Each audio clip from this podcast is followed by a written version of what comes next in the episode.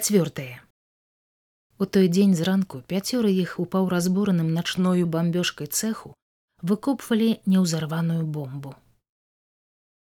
Яны былі гёфтлінгі дакладней флюкпункты. Надзея выжыць тут у лагеры смерці амаль што канчаткова пакінула іх. І адзінае што яшчэ турбавала іх розум гэта ў апошні раз рызыкнуць вырвацца на волю ці як казаў самы языкаты з іх маленькі чарнявы хлопец памянушцы жук ужо калі пакідаць гэты свет дык раней грукнуць дзвярыма. Не дужа бяспечная зусім нялёгкая праца тая тым не менш набліжалася да заканчэння. Падважваючы бомбу ламамі яны ўрэшце высверылі яе з-пад друзу і прытрымліваючы запакарэжаны стабілізатар асцярожна паклалі на земляныя камякі ў яме. Далей было самае рызыкоўнае і самае важнае. Пакуль іншыя, стаюшы дыханне, замерлі па баках, рукасты дзяцёк у паласата, як і ва ўсіх курцы з каляровымі кругамі на грудях і спіне, былы чарнаморскі марак па прозвішчу галадай, накінуў на ўзрывальнік спецыяльны для такой справы ключ. Адна тугі на яго голых да локцяў мускулістых руках надуліся жылы, праступілі вены на скронях. І ўзрывальнік патроху падаўся. Галадай яшчэ разы два павярнуў ключом, а затым прысеў на каленях і пачаў хутка выкручваць узрывальнік рукамі. Гэта была вядома, няспраўная штуковіна, моцна пакарэжаная пры ўдары аб зямлю.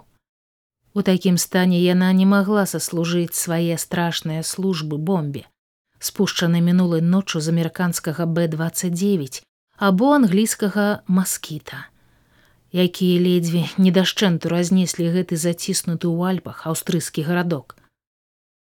Але пры бракоўным узрывальніку бомба была спраўная, і прадаўжала таіць у сабе 500 кілаграмаў трацілавай сілы, на якую і разлічвалі пяцёра смяротнікаў. Як толькі адтулена ў бомбе аслабанілася, да галадае схіліўся жук. Ён дастаў з-пад курткі новенькі з выгляду ўзрывальнік, здабыты учора адсапсаваная з адбітым стабілізатарам бомбы і худымі нервовымі пальцамі пачаў укручваць яго ў адтулена на месца ранейшага. Хлопец аднак спяшаўся, не трапляў у разьбу, жалеза лязгала, і Іван, каб хто не набрыў на іх, прызняўшыся ў сваіх калодках, зірнуў цераз накапаную зямлю ў цэх. Але паблізу, здаецца, ўсё было ціха.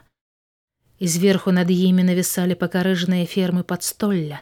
Са шматлікіх праломену даху коса цадзіліся надол стромкія пукі святла. Было душна, сонечна і пыльна. Далей за радам бетонных апор у падсвечаным сонцам пыле з рэдкімі воклічамі і глухім гоманам варушыліся снавалі дзясяткі людзей, што расцягвалі заваллі і разбіралі руіны. Там жа цяпер былі і эсэсманы, якія не дужа любілі цікавіцца справамі абясшкоджання бомбаў і звычайна атрымаліся воддаль. Ну сволача цяпер чакайце сцішна з ледзьве стойным гатовым прарвацца запалам сказаў жук. Галадаю стаючы ад бомбы буркнуў. Помаўчы раней скокні. Нічога браткі нічога. Выціраючы спатнелы лоб сказаў у куце янушка былы калгасны брыгадзір цяпер аднавокі гёфтлінг аздоблены мішэнямі за тры спробы ўцячы на волю. Па натуры ён быў з аптымістаў калі толькі імі яшчэ маглі быць палонныя ў лагеры. І нягледзячы на выбітае вока і адбітую селязёнку заўжды і ўсіх падбадзёрваў. І тады калі падгаворваў людзей уцячы і калі ў абшкуматанай аўчаркамі вопратцы скатаваны пад канвоем вяртаўся ў лагер. Так выказалі яны свае адносіны да таго на што наважыліся. Апроч хіба срэбнікова які прывычна пакашліваючы стаяў збоч ля земляной сцяны ды яшчэ івана срэбнікаў з самага пачатку ўсю гэтую задуму прымаў без энтузіязму Вядома, чалавеку ўжо мала было радасці нават у выпадку ўдачы. Хутчэй за лагерны рэжым і рэпрэсіі яго дабівалі сухоты. Іван жа цярэшка быў проста маўчун і не любіў залішне гаварыць там, дзе і без таго ўсё было ясна. Галадай тым часам абцёр далоні аб матрацна паласатыя штаны і зірнуў на людзей. Вядома, завадатарам усяго тут быў ён. Хто ударыць? На секунду яны ўсе прыціхлі. Хутаропілі ў дол позіркі, ніякавата абмацваючы імі доўгую сігару паўтонныя бомбы з разгоністымі драпінамі на зялёных баках. Ад гэтага, мабыць, самага найбольшага клопату ўсім стала няёмка. Засяродзіўся невясёлы, сівым шчаціннем на запалых шчоках янушка. Знерухоміла, прытушылася нервовая рашучасць у зыркіх вачах жука. Срэбнікаў дык нават аж перастаў кашляць, апусціў уздоўж плоскага, як дошка цела руки.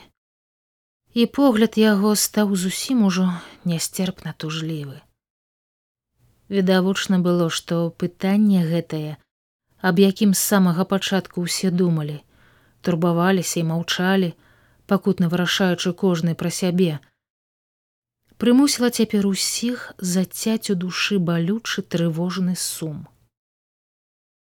Буйная твары аблічча галадае аднак выражала суровасць і няўхільную рашучасць. Дабравольцаў няма змрочна заключыў ён тады пацягнем. Ага так лепш.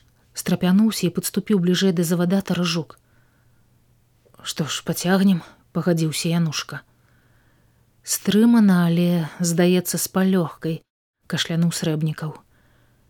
Цярэшка моўчкі адным ударам увагнаў у зямлю канец ломіка. Але галадай ляснуўшы сябе па сцягне зазначыў.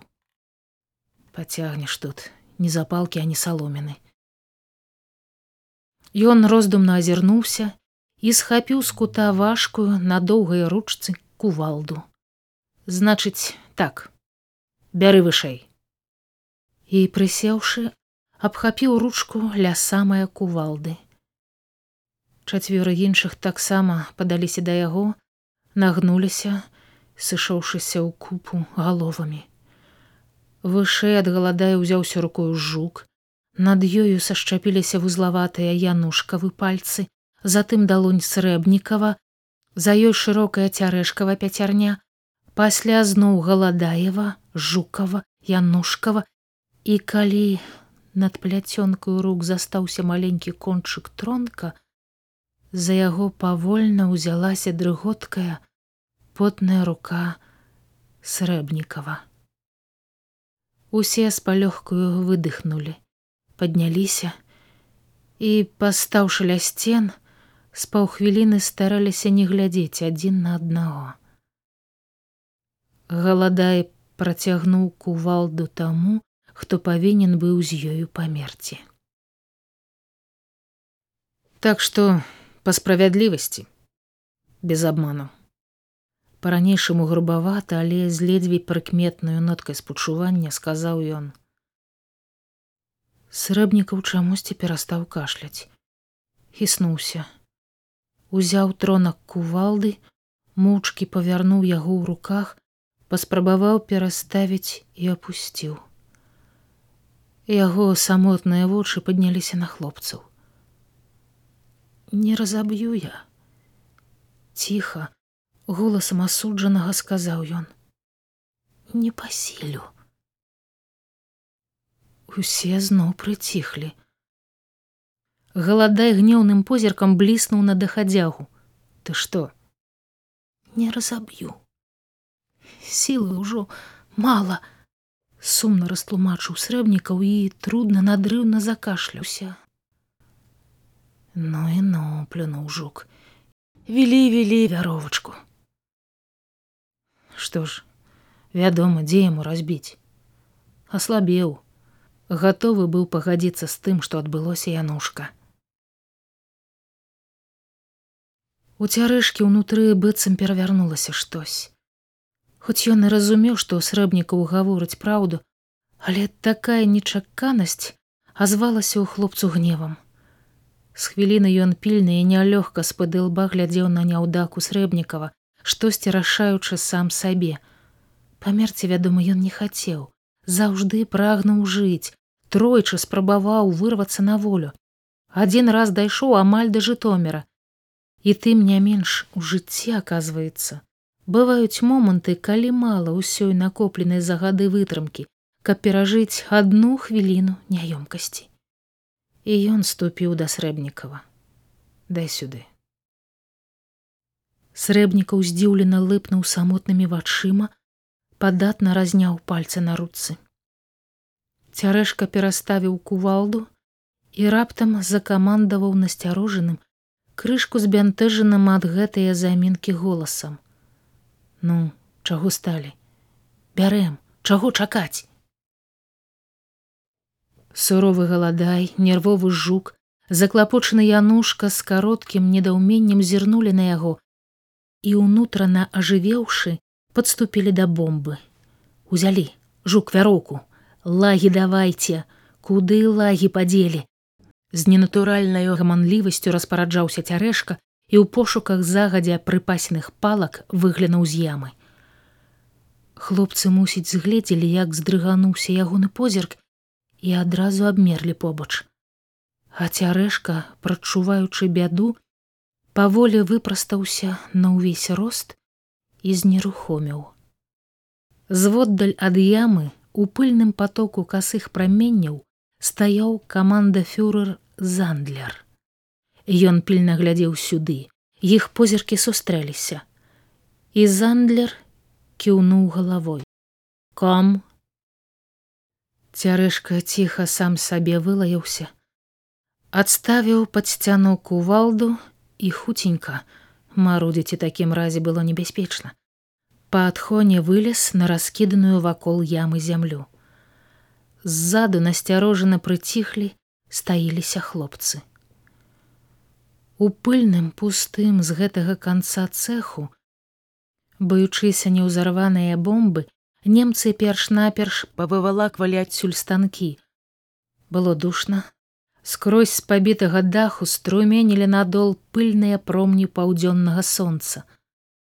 У другім разбураным канцы гэтага вялізнага як ангар збудавання, дзе разбірала завалле каманды жанчын з сектара с снавалі вырушыліся дзясяткі людзей з ламатчам насілкамі.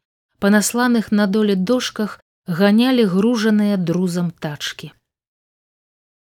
Зандлер стаяў на праходзе збоч ад вялізнага лапіка святла на бетоннай падлозе і заклаўшы назад руки чакаў.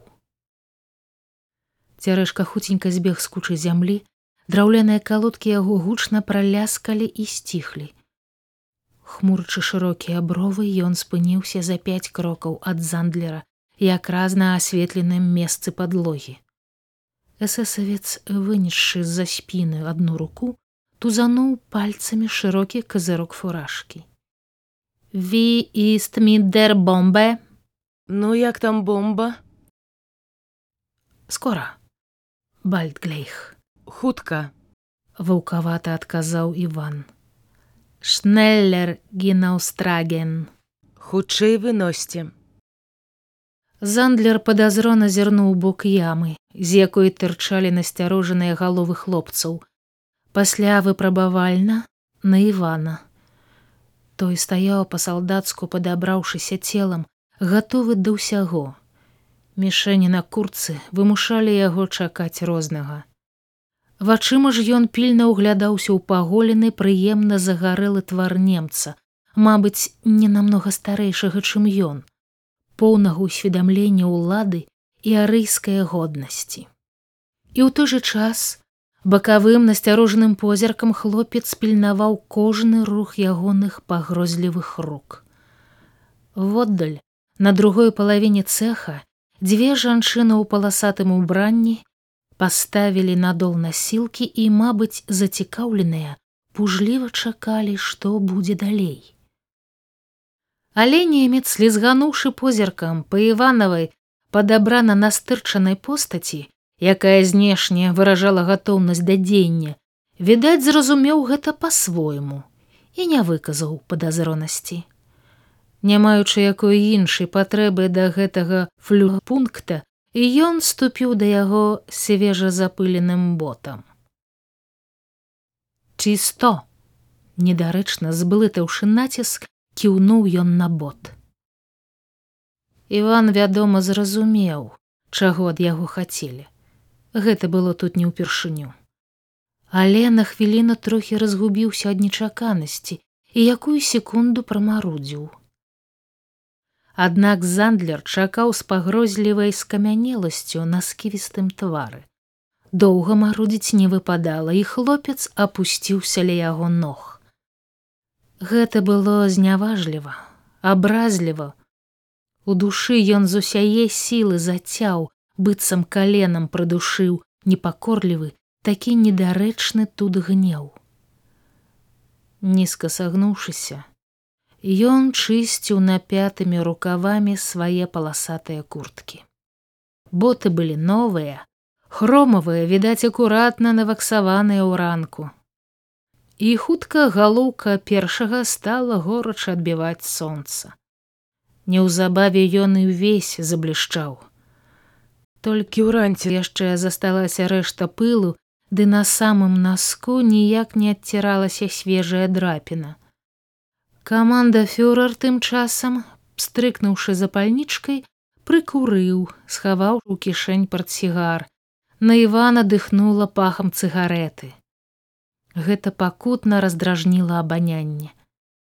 Пасля ён, здаецца, атрос попел, на стрыжаную хлопцаву галаву пасыпаліся іскры. Нейкая недагарэлая парушынка балюча апякла шыю. Гнеўная сіла ахапіла Іванова на пятае адчуванне, і хлопец ледзьве стрымліваў сябе. Гэтак закарцел ускочыць, ударыць, збіць з ног растаптаць гэтага паганца. Але ён чысціў, змагаючыся з сабою і стараючыся як найхутчэй адвязацца ад немца. Толькі той, аднак не спяшаўся. Трымаў выстаўлены бот да таго часу, пакуль ён не заблішчаў увесь ад наска да калена. Потым адставіў нагу назад, каб падаць другую. Іван трохі выпрастаўся і ў каротенькі момант тае перадышкі ўпершыню зірнуў паўз ягоныя боты туды, дзе стаялі назіраючы за імі некалькі жанчын гёфтлінгаў. Зірнуў ён дужа ўжо бегла, амаль без ніякай увагі, але раптам штосьці прымусіла яго схамянуцца. Тады ён паглядзеў уважлівей, стараючыся зразумець, у чым справа і зразумеў толькі зараз жа адчуў, што лепш бы праваліцца яму ў зямлю, чымся спаткацца з такой знішчальнай пагардай у такіх вялізных вачах. Чамусьці ён не паспеў заўважыць нічога іншага, Ён не даўмеўся нават быў гэта малады ці можа стары твар. Той позірк нясцерпным дакорам пляснуў у яго душу. Між тым да ягоных калень саўгануўся другі запылены бот з белую вапеннай плямою на халяве. Іван прамарудзіў. Немец нецярпліва буркнуў і наском ткнуў яму ў грудзі. І тады ў Іване нешта з таго, што яшчэ дазваляла кантраляваць сябе, зрушылася. Пальцы яго выпусцілі рукавы і ўпіліся кіпцюрамі ў далоні. Адным імпэтным рыўком ён ускочыў на ногі, падхоплены гнеўнай сілай, якой да нястрыванага цяжару наліліся кулакі. І ашалела садануў немцу ў сківіцу. Гэта здарылася так нечакана і так хутка, што ён аж здзівіўся, убачыўшы, як матлянуўся перад ім белы кадыкасты падбародак зандлера, як зляцела з ягонай галавы фуражка, і эсэсман тупа пляснуўся на бетонны дол цеха. Усё яшчэ не да канца адчуўшы жах гэтага выпадку, Іван з кулакамі ўгнуўшы галаву і шырок расставіўшы ногі стаяў перад немцам. Ён чакаў, што зандляр зараз жа ўскочыць і кінецца на яго. У гэты час аднекуль здалёк данесліся ўзрушаныя воклічы, толькі ён не цяміў ужо, асуджалі яны ці папярэджвалі, але эсэсман не кідаўся. Ён нетаропка, быццам адольваючы боль, павярнуўся на бок, сеў, марудліва падняў з долу фуражку, строс з яе пыл. Здаецца, ён не спяшаўся ўставаць. Сядзеў шырока расставіўшы ногі ў адным бліскучым і другім нячышчаным боце, прыгладзіў рукой валасы, акуратна надзеў фуражку. Затым падняў нашалелага і відавочна збянтэжанага флюк-пункта цяжкі, пагрозлівы позірк і рашуча тузануў на баку скураны язычок кабуры. У іванавай галаве маланкаю мільганула думка, што ўсё прапала. Але адчуць прыкрасць таго ён не паспеў. Побач клацнуў затвор пісталета. Немец з нечаканым імпэтам ускочыў на ногі. Гэта ўраз выбіла Івана з паўхвіліннага аслупянення, і каб не дарма памерці, ён рынуўся галавой на ворага. Аднак ударыць ён не паспеў. Побач грымотна рванула, кінула яго ў бок, аглушыла. Зямля здрыганулася, падскочыла і зваліла яго ў чорную прорву бездані. Немца і ўсё навокал накрыла воблакам рудога пылу. Праз секунду ён адчуў сябе на падлозе. Вакол яшчэ нешта рушылася, сыпалася, нешта дымна смярдзюча скверчэла, запякло ў спіну, чамусь са спазненнем побач упала і на кавалкі разляцелася цагліна. Адчуўшы сябе жывым, Іван прухка крутануўся на доле, азірнуўся. Побач на бетоннай падлозе шкрэбаў знаёмы з драпінай на носе бот. У потоках пылу тузалася, спрабуючы кудысь адпаўсці постаць ворага. Іван выхапіў з-пад бока цяжкі зломак бетону і з маху выцяў немца ў спіну. Зандлер трапятнуўся енкнуў, матлянуў паветры рукой. Гэта нагадало Івану пра пісталет. Ён на каленях сігануў цераз немца, вырваў з яго аслабелых пальцаў браўнінг і з шалёным стукам у грудях кінуўся ў рудое верлівае воблака пылу, якое ўжо ахінула цэх.